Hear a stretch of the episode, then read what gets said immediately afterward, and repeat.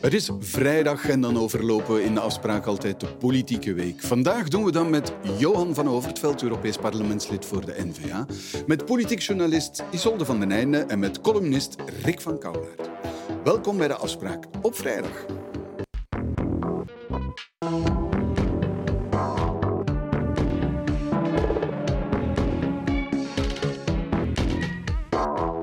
Goedenavond, Isolde van Goedenavond. Einde. Ik begin eens bij jou. Ehm, heeft te maken met een peiling die uw krant, HLN en ook VTM vandaag bekendmaken. Wat zijn de belangrijkste conclusies? Eh, het, wat het meest opvallende is dat de vooruit eh, naar 16,8 procent gaat. En dat is echt een enorme stijging. Want als je kijkt in onze peiling, toen Conor Rousseau net voorzitter werd, stond zijn partij in onze peiling op eh, 8,4 procent. Dus dat is echt een verdubbeling op drie jaar tijd. Dus dat is eh, een ferme allee, vooruitgang. En eh, ook ten opzichte van het kiesresultaat was 10,8, is dat echt 6 procent erbij. Eh, en dan zie je dat de N-VA en Vlaams Belang eh, ja, eigenlijk eh, vechten om het marktleiderschap eh, in Vlaanderen. het was een tijdje de vorige peiling dat N-VA een beetje koploper opnieuw was geworden, wat, wat terug winst had genomen. En ja, daar, ze verliest opnieuw. Dus eh, ze, ze daalt eh, 2,5 procent terug, denk ik. En eind- de twee partijen eindigen echt eh, bijna op gelijke voet. 21,6 procent voor Vlaams Belang en 21,5 procent voor eh, N-VA. Dus dat is echt een... ja, een heel, heel nauw gevecht. Wie is de populairste politicus? Eh, dat is eh, degene die zich, door wie we ons het best vertegenwoordigd voelen, is eh, nog altijd Bart de Wever. Oké. En eh, in Franstalig België, opvallende tendens? Eh, daar zie je dat de PS eh, nog altijd de grote, grootste partij blijft in Wallonië, maar ook een beetje verliest. Naar 22,9 procent gaat dat. In de, ver- in de verkiezingen van 19 haalden zij wel nog 26 procent, dus dat is toch wel verlies. En de MR zit wel in de nek te hijgen van de PS. Merk je, dat is 22 procent. Dat is ook een heel, heel nauwe strijd, zoals N-VA en Vlaams Belang in Vlaanderen. Zitten die echt heel nauw op elkaar. En dan de partij waar we ook wel een beetje allemaal naar kijken, van, vanuit Vlaanderen ook. De PTB is de derde partij in Wallonië. En dat is 18,3 procent, als ik me niet helemaal vergis. Ehm, maar dat is, dat is al de hele tijd dat ook die partij rond 18, 19 procent eh, schommelt. Dat blijft goed. Ja. Johan van Overtveld, goedenavond. Goedenavond. Ja, uw partij blijft in die strijd om het marktleiderschap met Vlaams Belang ja, worstelen om die eerste plaats. Dat marktleiderschap is uw partij volledig kwijt, hè? Volledig kwijt zou ik niet zeggen, maar het is duidelijk dat er eh, werk aan de winkel is. Eh, het is natuurlijk een peiling. Volgende peiling is het misschien weer eh, lichtjes anders. Maar de tijd van de alleenheerschappij van uw partij, ruim op voorsprong, die is gedaan. Wel, u zegt gedaan. Misschien dat dat wel terugkomt. Hè. Daar, dat is in ieder geval de bedoeling dat we daar naartoe werken. Eh, ik vind het een beetje vreemd, omdat ik toch ook merk, en, en als we binnen de partij daarover spreken, hoor ik wel hetzelfde van anderen, dat we in zaken ons standpunt rond kernenergie, rond het eh, omgaan met begrotingsmiddelen op een meer doelgerichte manier, dat we daar toch heel veel positieve reacties vanuit de bevolking van krijgen. Maar goed, eh, ik, uiteraard accepteer ik de resultaten van de peiling en ze, kan het er ons alleen maar toe aanzetten om eh, extra zeilen bij te zetten, om inderdaad dat marktleiderschap, die 25% naar 24 toe, om dat binnen te halen. Zou het kunnen dat de kiezer, of in dit geval de gepeilde, ehm, stilletjes aan alle partijen, behalve een partij als Vlaams Belang in Vlaanderen en de PTB in Franstalig België, rekent als een traditionele bestuurspartij en dat iedereen daar last van heeft? Dat zou een hypothese kunnen zijn die je kan aanhouden, maar dan is het natuurlijk aan diegenen die daaronder vallen eh, om te bewijzen dat dat niet zo is en om het verschil proberen te maken. En dat is wat we uiteraard eh, proberen te doen en nog meer zullen proberen te doen in de komende periode. Goed, Rick van Kouwlaert, Ja. goedenavond. Goedenavond. Eh, wat betekent dit voor 2024? De N-VA, of de voorzitter van de N-VA, Bart de Wever, streeft toch naar een historisch akkoord met de PS. Als je ziet, PS achteruit in Franstalig België en de N-VA toch een stukje verlies, ook daar weer in die strijd om het marktleiderschap. Ja, dat lijkt dus, geen eh, evidentie een, meer. een interessante race dat daar bezig is in Wallonië, waar, eh, waar ik al een tijdje zit op te kijken. En ik vermoed trouwens dat eh, het wel eens zou kunnen dat in 2024 eh, Bart de Wever niet moet gaan praten met eh, Paul Magnet, maar met Georges-Louis Boucher. Dan gaan we ons natuurlijk niet vervelen als dat gesprek eraan komt. Maar ehm, ja, het is wat het is daar in, in Wallonië. Je ziet, die, die, die, die, als je die cijfers bekijkt die nu in het laatste nieuws staan, dat, eh, ja, dat is een, voor de PS is dat iets verschrikkelijk. Dat is een halvering van een uitslag die ze ooit hebben gehaald met Spitaals in december, in december 87, een tijd geleden. Maar toen haalde die bijna 44 procent in Wallonië. Dat is zoals de CVP bij Ja. ons. Dat is de precies, hetzelfde fenomeen. Ja. Dus je ziet, ja, nu is, nu op, dit, op, op dit moment is een, een partij van 21 procent is een grote partij. Toen was dat niet het geval. Hè. De, trouwens, Herman Rompuy heeft het hier nog verteld, dat eh, toen de CVP terugviel op 28, begonnen ze al aan, aan, het, aan het voortbestaan van de partij te twijfelen. Dus je moet niet vragen als ze deze cijfers onder, andere- onder ogen krijgen. En dat is eigenlijk voor de PS, wat daar bezig is, is precies hetzelfde. Want zij vrezen absoluut de nachtmerrie, hun nachtmerrie, dat is het lot ondergaan van de Franse PS. Oké, Goed, laten we dan eens kijken, want alle overheden zoeken op dit moment koortsachtig naar ingrepen om de energiefacturen van de mensen te milderen. Commissie van de eh, commissievoorzitter, liever Ursula von der Leyen, die maakte haar maatregelen afgelopen woensdag bekend. De federale regering die werkte vandaag aan een basispakket energie tegen een beperkt tarief, een tegemoetkoming. En de Vlaamse regering die kondigt haar maatregelen aan bij de septemberverklaring en dat is over dikweg een week. Basispakket lijkt mij de goede idee, omdat je daarmee eigenlijk een brede groep kunt helpen en voor een stuk de mensen natuurlijk zelf ook wel verantwoordelijk houdt om toch ook op hun verbruik te letten. We moeten kijken ja, hoe dat we dat juist gaan doen, wat we juist gaan geven en wie dat we het juist gaan geven. Heeft u van mij al een dossier gezien dat technisch gecompliceerd was, dat niet is opgelost geraakt? Ik wil er echt geen wedstrijd van maken van eh, federaal komt nu met wat maatregelen en Vlaanderen zal een week later, wat is een week in mensenleven, maar wij zullen dan een globaal, ons globale begroting ook neerleggen, meerjarenbegroting ook, zodanig dat we weten dat wat we geven, dat dat ook betaalbaar is.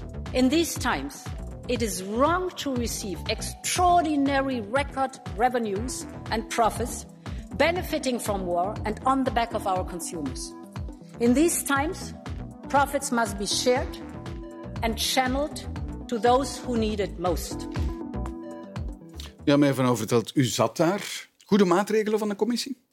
De intenties zijn misschien wel goed, maar ik ben toch eh, erg op mijn honger gebleven. Ik begin meer en meer mevrouw van der Leyen de madame steekvlam te noemen, die elk jaar opnieuw in die State of the Union met een aantal grote uitspraken komt, grote beloftes, eh, grote scenario's, maar waar in de realiteit eh, weinig van in huis komt. Ik denk bijvoorbeeld aan de corona. Wat we nu zien met energie is een replay van wat we gezien hebben met corona. De commissie reageert veel te laat. Met corona ook. De, de lidstaten vlogen elkaar bijna naar de keel om, om, om eh, materiaal te hebben. Als nu de commissie haar werk had gedaan, dan hadden we in de maanden juni, juli, augustus veel minder opbod tussen de lidstaten gehad om toch maar dat extra kubieke meter gas te hebben en hadden die prijzen nooit zo'n vlucht genomen zoals we dat Dus nu gezien het is de schuld van het incoherente Europese beleid? Of Dat is een belangrijke factor.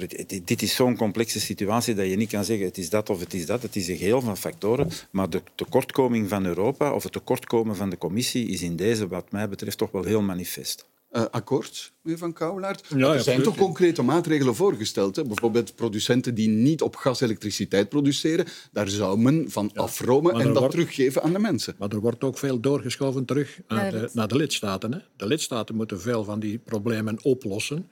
En als je moet gaan over overwinsten praten met Engie in België bijvoorbeeld, bonne chance. Want eh, er is niemand die die contracten momenteel gezien heeft. Hè. Die zijn nog altijd niet publiek. Eh, mevrouw, mevrouw van der Straten vorig jaar in oktober zei, ja, maar dat gaat over wurgcontracten. En dat gaat ons grote claims, schadeclaims opleveren. Dus die discussie die gaat Europa niet voeren, die gaat België moeten voeren. En bovendien, ik vind dat eh, meneer Van Overtveld een beetje ja, de, braaf is voor de commissie. De commissie had vorig jaar al moeten zien dat er een kink in de kabel zat. Toen de Chinese vraag in één keer op, opveerde, 19% omhoog van het gas, de prijzen ook de lucht inschoten. En niemand heeft toen gereageerd. Maar toen had je de andere commissaris, Frans Timmermans, met Mr. Green Deal. Die kwam toen zeggen, ja, maar de gasprijs die moet omhoog. Want dat moet de mensen ontwennen van het gas. Hè, Het is geen groene, geen groene brandstof. Hij is op zijn wenken bediend geweest door Poetin. Ik hoor meneer, meneer Timmermans vandaag niet. Maar wie we wel gehoord hebben, en eer wie ere toekomt, onze premier en mevrouw Van der Straten, zijn heel vroeg al gaan pleiten voor een plafond op de prijs van het gas. Ja. Dat is dan wel een goed Ja. pleit. Ja, maar dat, dat komt er niet. Hè?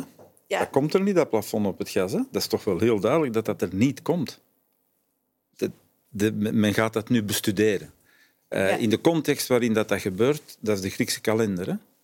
Ja, ze hebben dat inderdaad al in maart beginnen verkondigen. Want dit is ons pleidooi. Allicht omdat ze toen al zagen van dit is zo overweldigend. Dit is niet iets wat je nation- nation- nationaal kan oplossen. En, en met één blik op onze begroting besef je dat ook heel snel. Ehm, dat ze Europees zijn beginnen pleiten, begrijp ik. Maar toen, toen de aankondiging kwam van eh, minister Van der Straten vorige week zag ik eigenlijk eh, als journalist dan meteen eigenlijk een artikel van het Algemeen Dagblad, een Nederlandse krant, waarin dat ze eigenlijk zeer, zeer sceptisch waren tegenover die beslissing. Ik zag Politico, waarin dat eh, Scholz een interview gaf, waarin hij zei eh, wij zijn er absoluut voor beducht, want wij hebben schrik dat dit onze gasbevoorrading in gedrang zal brengen.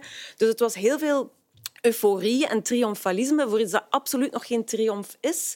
Ehm, Maar we, we hebben wel allemaal naar Europa gekeken. Iedereen zei, Maar- Europa heeft de hendels in Meneer, handen. daar meneer, het meneer Van. Kouwelaert heeft daar juist iets heel belangrijks gezegd. Het is fout, altijd belangrijke dingen. nu dan ook.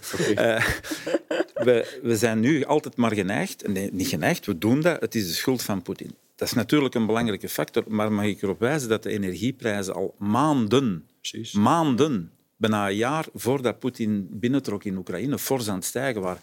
En dat heeft alles te maken met het feit dat meneer Timmermans op kop, nog vele anderen ook, die overgangsperiode tussen fossiele brandstoffen als hoofdbasis van onze energievoorziening. En wat, waar we allemaal van dromen, een klimaatneutrale energievoorziening gebaseerd op wind- en zonne-energie enzovoort, dat hebben we compleet onderschat. We hebben producenten... Dus ook Europa. u? Nee, wel, nee, nee, nee. Eh, Ik, eh, ik, Ja, nee. Ik, ik kan u mijn stemgedrag in het Europees Parlement voorleggen. Ik heb daar altijd heel duidelijke standpunten in ingenomen dat dat fout ging aflopen. Zoals nu ook gebeurt. Dus eh, we hebben mensen die zouden normaal geïnvesteerd hebben in gasinfrastructuur, in ontginning, die hebben gezegd we stoppen ermee, want als ik die politici bezig hoor, dat wordt een drama. Kernenergie, Iedereen die met kernenergie en technologische ontwikkeling ter zake bezig was, heeft onmiddellijk zijn staart ingetrokken. En dus nu zitten we daar met een vacuüm, waar dan op een bepaald moment meneer Poetin, ik denk zelfs dat hij zijn moment goed gekozen heeft wat dat betreft, is nog eens, Dus als ik mag eigenlijk- zeggen, olie op het vuur is gaan Eigenlijk gooien. zegt u van Europa moeten we niks verwachten. Wel, Europa heeft in ieder geval tekortgeschoten. Wij, wij dringen al jaren aan dat men in Europa de verbindingen tussen de diverse pijpleidingnetwerken zou verbeteren. Dan kunnen we LNG vanuit Spanje en Italië vlot in Duitsland krijgen. Vandaag gaat dat niet. Vandaag gaat dat niet. Al jaren wijzen wij erop dat dat een enorme tekortkoming is. Ik heb de, nu ook, mevrouw van der Leyen heeft daar niet over gesproken. Terwijl het, De Duitsers zaten te lachen op het moment dat Trump destijds kwam zeggen doe iets aan die, aan die eh, Nord Stream-pijpleidingen. Toen was op de Duitse tribune werd er gelachen en mevrouw van der Leyen heeft ook niks gezegd. Die waarschuwing hebben ze compleet in de wind geslagen. Maar toch is het vreemd, hè, want de federale regering heeft maatregelen, al 4 miljard maatregelen genomen. En toch wordt daar altijd gezegd, ja, maar Europa zal ons redden. Het is Europa waar het moet gebeuren. Ja, dus ook in eigen land is, het, is de discussie over bijvoorbeeld die overwinsten afromen al heel lang bezig. Dat is echt al een, een discussie die al heel lang aansleept. En ik hoor mevrouw Van der Straten zeggen, eh, een technisch dossier dat van mij nog niet goed is afgerond. Kent u er zo een? Wel, ik heb daar tot nog toe geen oplossing van gezien, van haar en, minister eh, Van Petegem. Dus ja, het blijkt een heel moeilijk dossier te zijn. Ehm, Vandaag basispakket eh, energie. Goeie Ja. maatregel? Ik vind dat een goede maatregel. Eerlijk gezegd, ehm, omdat het, wat ik in heel deze discussie redelijk mis, is hoe een prijs gezet wordt ook. En dat is rond vraag en aanbod. En via een basispakket ehm, grijp je niet echt in, in de factuur eh, of in het, of stimuleer je niet eh, meer verbruik. Ik wil zeggen, je hebt een basistarief en als je meer verbruikt, kost het meer. Je gaat er dus als- voor zorgen als burger dat je maar dat basistarief moet betalen. Basistarief voor alle... Ik, ik leg even uit. Ja. Behalve de hoogst of de best verdienende eh, Ja. gezinnen zullen de meeste een tegemoetkoming van 200 euro krijgen, eh, zowel op gas en elektriciteit in de maanden november Ja. en december. Daar komt het Daar komt het op neer. En die 20 eh, procent hoogste inkomens zouden het, als ik het goed begrepen heb, wel ook krijgen, maar via de fiscus moeten terugstorten. Is, is dat een, een, een goed idee? Want wat de federale regering, btw-verlaging, nu via het basispakket, is elke keer ingrijpen op de factuur. Moet je niet via de koopkracht gaan werken? Moet je er niet voor zorgen dat mensen ergens op een of andere manier, los van die factuur, gewoon meer geld hebben? Als je het ernstig meent in verband met je bezorgdheid over klimaat, en als je het ernstig meent als je zegt we moeten absoluut minder energie gaan verbruiken, dan moet je op de koopkracht werken. Dan moet je de mensen, en dat is uiteraard vandaag een enorm probleem, dan moet je de mensen compenseren in het koopkrachtverlies dat ze vandaag leiden. Dat kan je vooral via de fiscaliteit doen. En moet je niet zozeer inzetten op het per se verlagen van die energiefactuur, die zeer hoog is, die de mensen veel geld kost en waarvoor je moet compenseren. Dus dat, dat, is, dat, staat niet ter, dat staat niet ter discussie. Snap wat u wil zeggen. Dat is ook wat ik wil zeggen met het hele prijsmechanisme, vraag en aanbod. Het aanbod is schiet kort. Ja, het is heel moeilijk om dat op korte termijn op, op hetzelfde niveau te brengen nu dat we geen Russisch gas meer hebben. Dus moet je ook in de, in de vraag wat beginnen uh, werken. En we hebben het nog niet aangehaald hier, maar een van de meest concrete uh, oplossingen van Ursula von der Leyen was eigenlijk verplicht het verbruik verlagen. Uh, ja, 10% in het algemeen, maar 5% op picuren. Ja, heel veel mensen beginnen daarvan te stijgeren. En ik denk dat dat een soort coronatrauma is dat uh, nog nazindert. Omdat je echt uh, in de huiskamer binnenkomt. En uh, bovendien kan je daarbij ook de vraag stellen hoe ga je dat ja, controleren. Maar ergens zorgt het er wel voor natuurlijk dat de prijs ja, meeweegt. Dat is gewoon ja, basiseconomie, zegt men. En dan, ja, daar is dan heel veel uh, sceptisch tegenover. Um, en, en daar moet je toch wel een beetje moed zoeken om, om ja, daar toch ook wel een beetje voor te durven pleiten. Verplichting om minder te verbruiken. Ja, ik, ik hoorde dat ook bij von der Leyen. Ik hoor u dat ook uh, Frank van den Broeke zeggen, dat dit ook een middel is om de mens... Maar als we de jongste cijfers hebben gelezen van de energieleveranciers, dan, is, dan zitten we al boven deze cijfers. Ja, ja dat is waar, absoluut. De gezinnen, de gezinnen zijn verbruiken al minder dan die 10 procent. Bijna 20 procent in sommige gevallen ja, minder verbruik. Dus de mensen zijn al ingeschakeld. En ik begrijp natuurlijk dat we een maatregel moeten nemen. En dat is eigenlijk, dit is een, meer symbolische maatregel. Van de, de, de, regering wil de rust in de tent herstellen. Dat voel je met deze maatregel. Of die veel zal helpen, weet ik niet. Maar we hebben een ander mechanisme. Wat de koopkracht betreft natuurlijk, hebben wij onze index. We mhm. zijn een van de enigen die gelukkig... Vandaag hoor ik niemand zeggen dat de index moet worden uh, afgeschaft. Gelukkig is die index er nog. Ja, is dat bijvoorbeeld zo? Kinderbijslag uh, indexeren is ook een koopkrachtmaatregel. De index is een koopkrachtmaatregel. Zijn het dat soort maatregelen? Wel, ik dat... uh, was lid van een regering die een indexstop gedaan heeft. ik zou dat vandaag niet doen. Omdat er al zoveel onzekerheid is voor de mensen dat als je dat zou doen, dat je die onzekerheid nog verder verhoogt. Maar tegelijkertijd heb je natuurlijk het fenomeen, en dat is vooral een Vlaams fenomeen, dat je de concurrentiekracht van je bedrijven echt onderuit zult zien gaan. Dus ik zie daar maar één oplossing. Waarom? Omdat zij, die loonkosten... zij moeten die indexering betalen in de loonkosten. Begin volgend jaar gaan we 10, 12 procent loonsverhogingen krijgen. Dat is voor een aantal mm. bedrijven letterlijk na wat we met energieprijzen zien een nekschot. Ik zie bijvoorbeeld in, in Berlijn verschijnen nu verschrikkelijke verhalen over de toenemende armoede in een stad als Berlijn. Dus daar is ook een serieus probleem met de koopkracht. En dat is een, sociaal is dat een veel gevaarlijker probleem voor de Duitsers. Maar als je dan in België die, koop, die, dat concurrentiekrachtverlies volledig gaat laten uitwerken, ga je nog eens een enorme ja. diarree van jobs krijgen die gaan verdwijnen. Wat natuurlijk dat armoedeprobleem alleen maar zal versterken. Ja. En in, in Duitsland heb je eigenlijk al industrie die het loodje legt, om het zo te zeggen. Waarbij ja, maar bij ons ook. Ja, bij ons, bij ook. ons ook. Maar ja, hier zet je dan, als, als daar werknemers op de markt gaan, uh, zoeken naar een job, dan uh, gaan zij zich misschien wel tevreden stellen met een, een, een gelijkwaardig loon of een, uh, zelfs een loon dat een beetje lager ligt.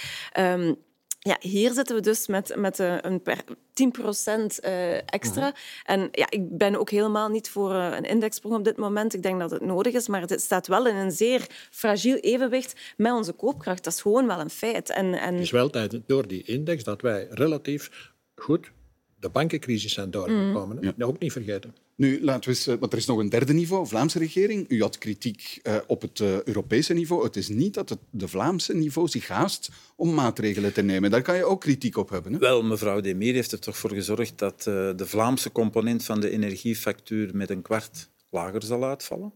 Uh, er is een miljard uitgetrokken voor premies en goedkopere leningen voor uh, isolatie. En zoals we daarnet van meneer Jan Bon hebben gehoord, de Vlaamse regering zal met maatregelen komen in het kader van ja. de ja. september. Maar u zei daarnet, de commissie had al veel eerder grotere maatregelen kunnen nemen. Dat geldt eigenlijk nee, maar, voor elk niveau. Ja, dat geldt voor elk niveau. Maar de commissie heeft wat betreft het Europese samenstel, samenspel zwaar tekortgeschoten, omdat dat samenspel er helemaal niet was. Dat kan je moeilijk verwijten aan de vind- federale, nog aan de Vlaamse Ik vind regering. toch ook dat de Vlaamse regering... Jan Jan Bon heeft op de, het FOCA-debat gezegd ja, binnen enkele dagen kom ik met, eh, met maatregelen. Da- daar is hij dus duidelijk niet in geslaagd. Hè. Dat We zijn al een hele tijd verder.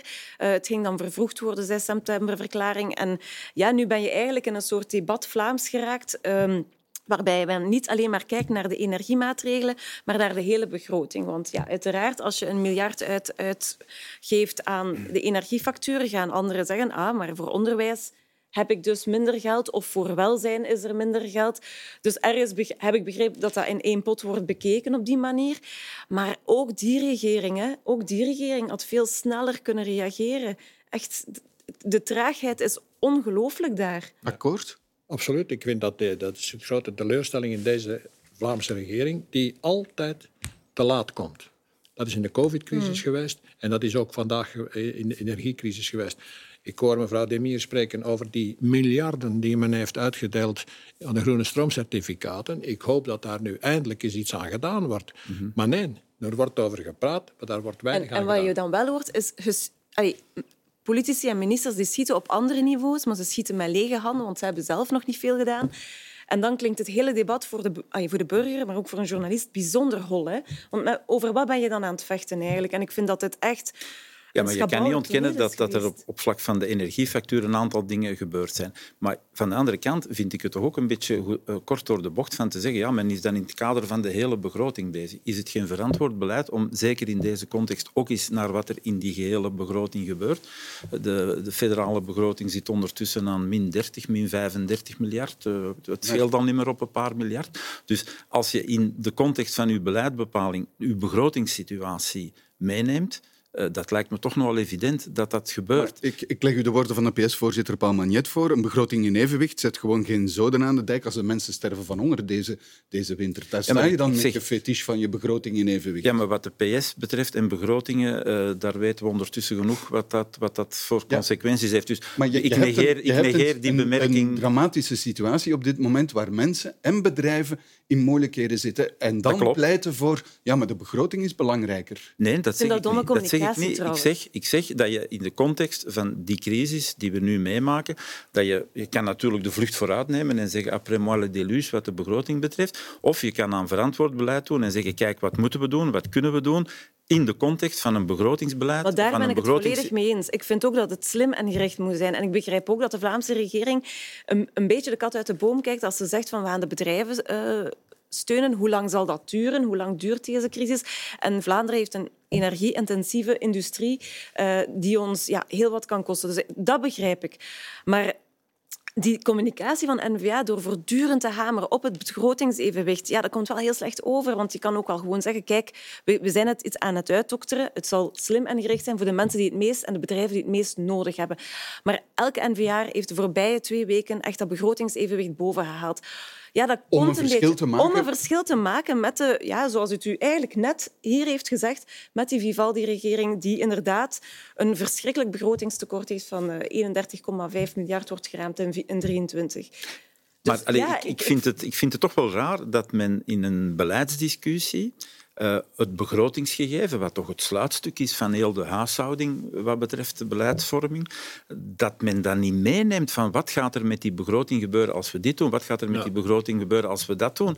En nogmaals, we, Tuurlijk, we ja. zien waar Wallonië aan het uitkomen is. De, de huisbankier gaat lopen, min of meer.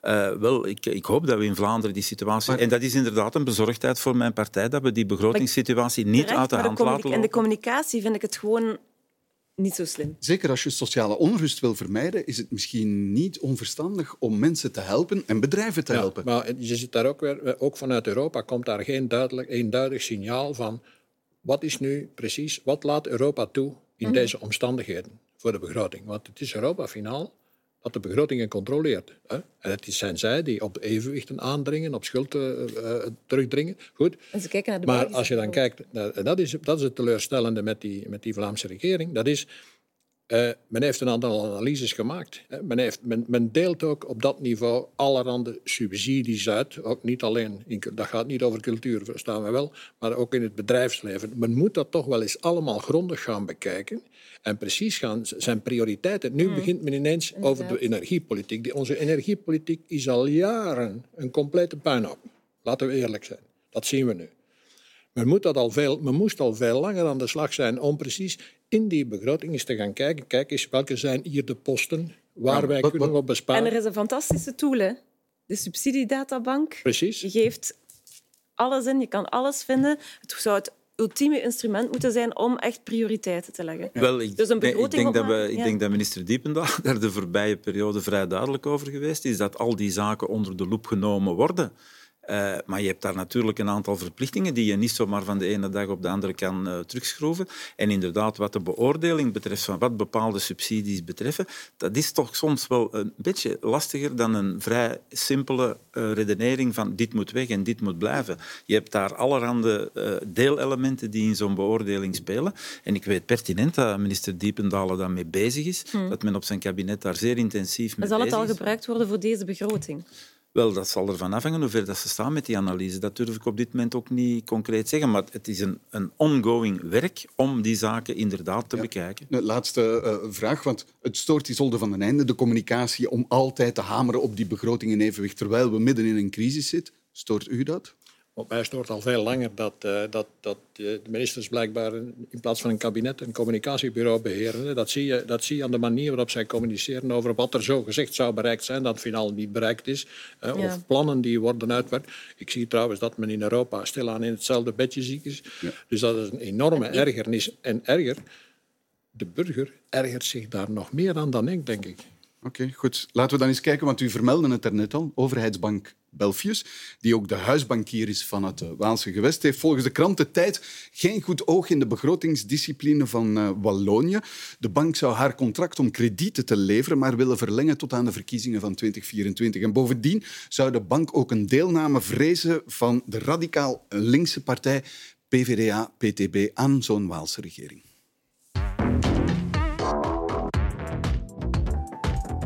Waalsgewest zit in zo'n penibele financiële situatie dat huisbankier en staatsbank Belfius een belangrijk contract met Wallonië maar voor twee jaar wil verlengen, tot aan de verkiezingen dus.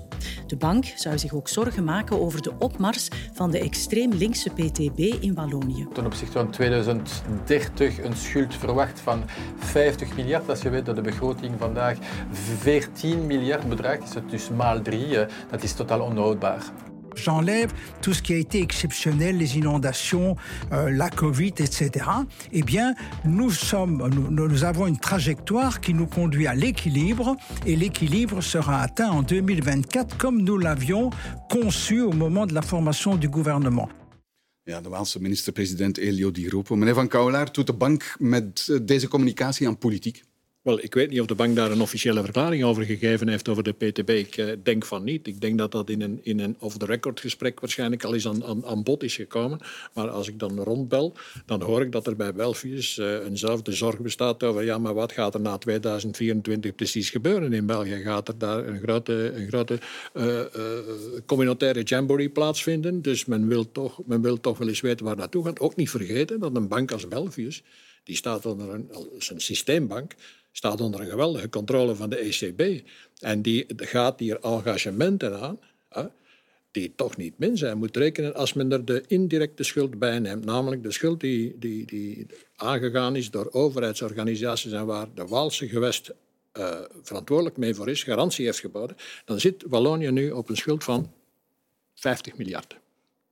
Met, inkomsten, met inkomsten van 15 miljard. 50 procent, want ze heeft inkomsten van 15 miljard ongeveer. Dus dat, dat dan een bank zegt, ja, dit gaan we toch eens goed uh, bekijken, dat kan het mee. En te meer omdat zij volgend jaar moet diezelfde bank onderhandelen met de Franse gemeenschap die zo mogelijk nog in slechtere papieren zit. Ja, dus de bank doet eigenlijk als een goede huisvader ja, moet doen. Inderdaad. Uh, we hebben in dit gesprek al een paar keer uh, veel kritiek gehad op Europa. Dit is een punt denk ik, waar Europa relatief goed functioneert in, in de slipstream van de grote financiële crisis van 2008. Het is inderdaad Europa dat bepaalt wat Belfius kan doen en niet kan doen. En, en kan de bank dan gewoon die kredieten opzeggen? Is dan gedaan? Uh... Wel, er zijn altijd verschillende mogelijkheden. Hè. De, als, als de ECB, de toezichthouder, uh, zegt van kijk, uw kredietportefeuille is dermate riskant dat uw kapitaal onvoldoende is, u moet uw kapitaal verhogen.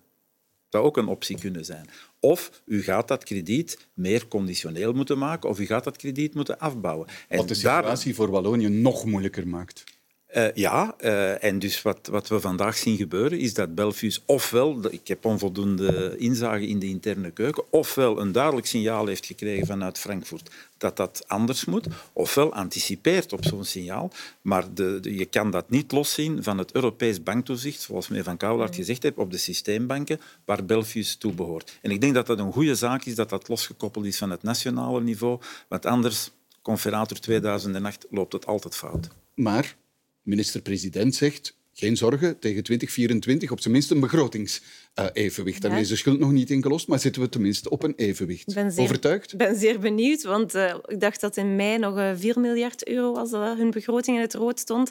Ze hebben uh, ja, een, een bijzondere commissie heeft eigenlijk een besparingstraject opgelegd aan de Waalse regering. en dat is een besparing elk jaar 150 miljoen euro. En tegen 24 zou dat dan 900 miljoen euro moeten zijn.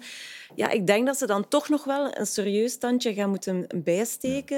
Um, en ook, ik wil ook weten, wat, wat, rekenen ze er niet bij? Wat zit er in die begroting ja, en wat halen ze eruit? Covid en overstromingen zijn... halen we eruit. Ah, ja, Wel, okay, je moet ja. zich inbeelden dat burgers dat vandaag horen. Nee, veel burgers zouden kunnen zeggen, mijn begroting, mijn, mijn budget is in evenwicht als ik die energiefactuur niet zou hebben. Hij zegt, Covid eruit, overstromingen eruit, nog een aantal andere dingen. En dan is het allemaal in orde. Ja, maar zelfs, zo werkt, maar zelfs met de zo werkt dat niet. Hè? Zelfs met de overstromingen eruit zit hij nog altijd met een, een tekort van een miljard. Ja, maar is het dan niet net een paradox? Het, zijn net, het is net de Waalse regio waar je meer armoede hebt. Ja, die eigenlijk meer geld zou moeten ter beschikking kunnen stellen met deze energie. Ja, ik denk dat, uh, dat, dat je met een zeer vreemde tegenspraak zit. De Vlaamse regering uh, is voorzichtig, zal ik het dan uh, met een eufemisme uitdrukken, om ja, iets te doen aan de energiecrisis op dit moment.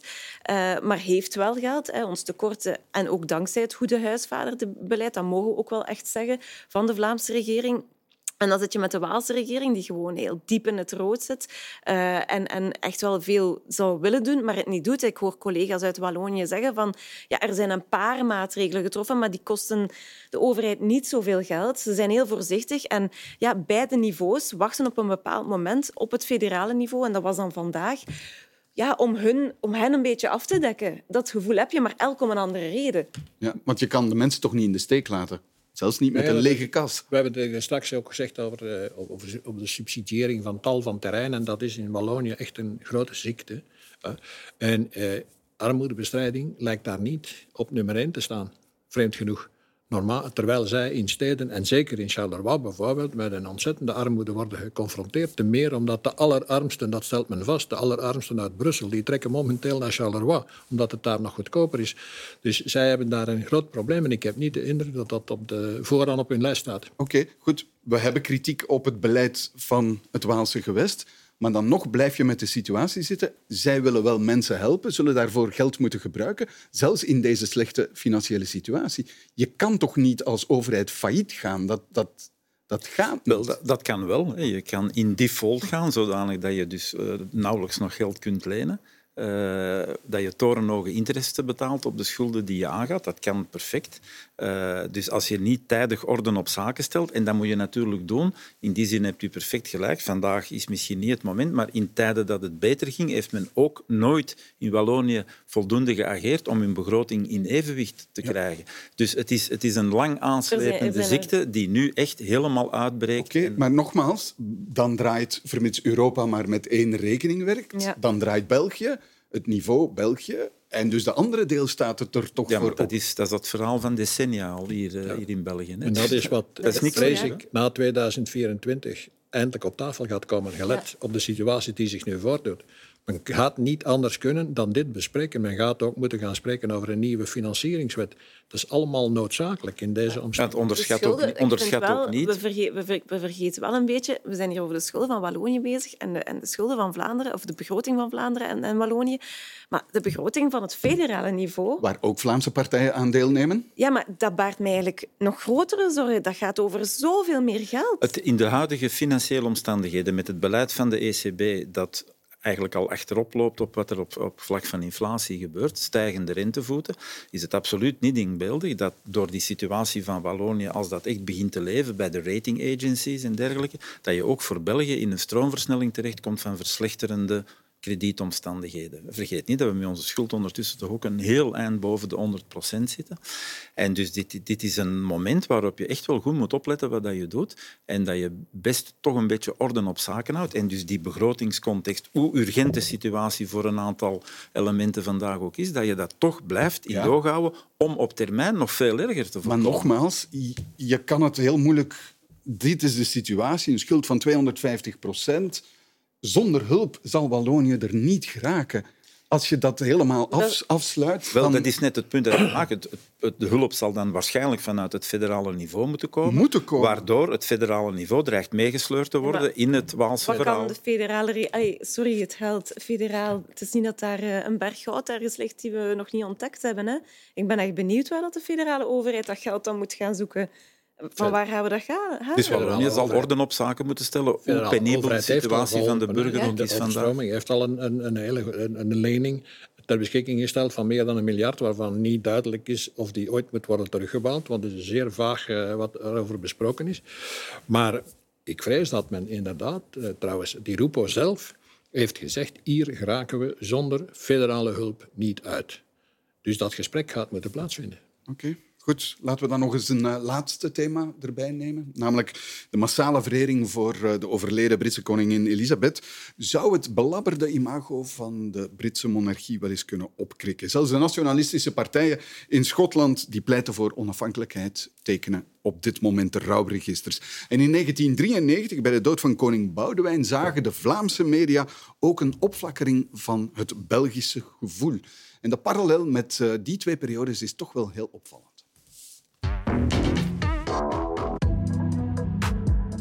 Een indrukwekkende stilte hebben tienduizenden Britten al een laatste groet gebracht aan hun overleden koningin Queen Elizabeth. They told us at night where we queued up there'd be three and a half hours to uh, get to there, and obviously it's been over ten hours. Uh, yeah, so it's, but everybody in the crowd was impeccably behaved. Dames en heren, goedemorgen. Koning Boudewijn is gisteravond overleden.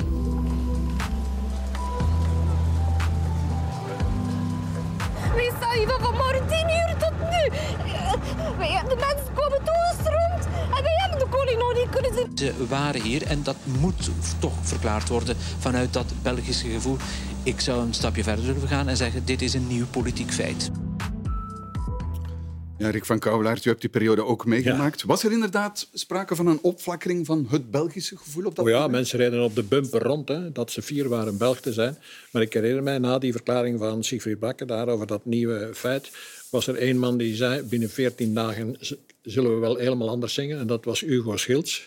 En inderdaad, na 14 dagen, 14 dagen na de begrafenis van Boudewijn waren wij weer over onze communautaire problemen bezig. Ja, een beetje merkwaardig, want je had toen uh, dat Belgische gevoel, gevoel ging eigenlijk in tegen de geest op dat moment. Hè. Je had ja, Vlaamse ontvolking, is, staatshervormingen. Toen was een oude, een oude Brusselse dame die mij vertelde dat zij had ook meegemaakt de, de begrafenis van Albertijn. En ze zei dat is precies dezelfde scènes die zich nu afspelen. Mensen die voor de crisis stonden aan te schuiven en, en, en, en, en bleven nachten waken.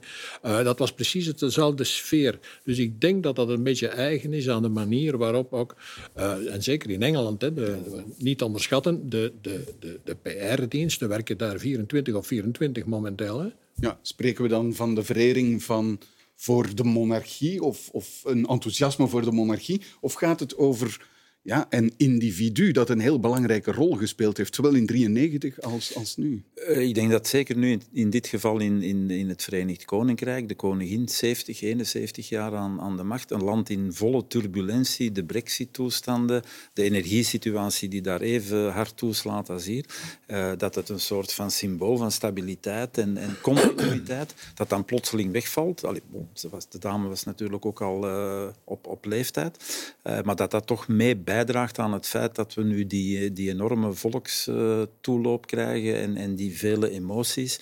Eh, de omstandigheden zijn er ook naar. Eh, veel mensen leven in grote onzekerheid, hè, in België, maar ook in, in het Verenigd Koninkrijk. En ik, wat ik denk dat ook meespeelt daar dan... Ik ga eerst even vragen, ja. hebt u het meegemaakt? Nee, enfin, ik, ik, was zeven jaar toen koning Boudewijn stierf. ik heb dat absoluut niet uh, bewust nee, meegemaakt. Dus uh, ik, ik ga me daar ook niet over uitspreken, over de, de zaken toen. Maar wat ik nu ook denk en hoor, en ook van een collega die daar eigenlijk mee is gaan aanschuiven om de kist van de koningin te, te groeten, is dat heel veel mensen in het Verenigd Koninkrijk zich een beetje verloren voelen en een beetje op zoek zijn naar ook de Britse identiteit. En die koningin was daar een absoluut voorbeeld van. je zou haar niet snel met een chai latte of een cappuccino zien, om het zo te zeggen. Dat was Beertje Paddington, dat was Britse thee, dat was de corgis zij was eigenlijk een, een echt ja, cultuursymbool. Um, en ik denk dat dat misschien ook wel een beetje ja, houvast biedt. Los van het feit dat het een heel langzetelende monarch is en dat politici komen en gaan en, um, en bepaalde postjes verkiezen boven een ander postje. En dat zij gewoon, ja, bij haar volstond het om elke dag op te staan en uh, te ademen en ja. de job te doen. Nu, dat Belgische gevoel bestaat wel degelijk, maar vooral aan Franstalige zijde. Dat onderscheid moeten we Ja, ook maken. dat is er is een verschil tussen Vlaanderen en de Franstalige kant van de taalgrens. En dan vooral in Brussel. Ja. Want in Wallonië, heb je, in Wallonië zitten toch nogal wat oude eh, kernen van republikeinen, moet ik zeggen. Maar niet vergeten, in Engeland natuurlijk die band met dat koningshuis, die is eeuwenoud. Eeuwenoud. Het zit ook in het volkslied, hè? Ja. Maar terwijl ons koningshuis, laten we eerlijk zijn, is in de 19e eeuw geïmporteerd uit het buitenland. Hè? Dus die band is daar eh, niet zo strak. Alleen werd Boudewijn precies ook omwille van de langdurigheid Ja. van zijn Lang regeerperiode. Ja, hij was, een, 40 hij was een, een- Ja. zo een vaste figuur op de achtergrond. Die er, die, hij was er altijd. Ook al lagen we soms eens overhoop, eh in grote momenten van, van, van, van als dan, eh, bijvoorbeeld de grote staking, de winterstaking toen hij trouwde, bijvoorbeeld de koning. Dat was een verschrikkelijk moment in België. Want die koning was daar altijd. Dus een een soort geruststellende factor. En dat is zeker het geval in Engeland. Goed, dat is het eh, einde van deze afspraak eh, op vrijdag. En daarmee is weer een politieke week netjes neergelegd. En zoals altijd dank ik mijn gasten voor de deskundige hulp daarbij. Johan van Overveld, Isolde van den Einde en Rick van Kouwelaert. En u, dames en heren, bedankt voor het kijken en tot volgende week.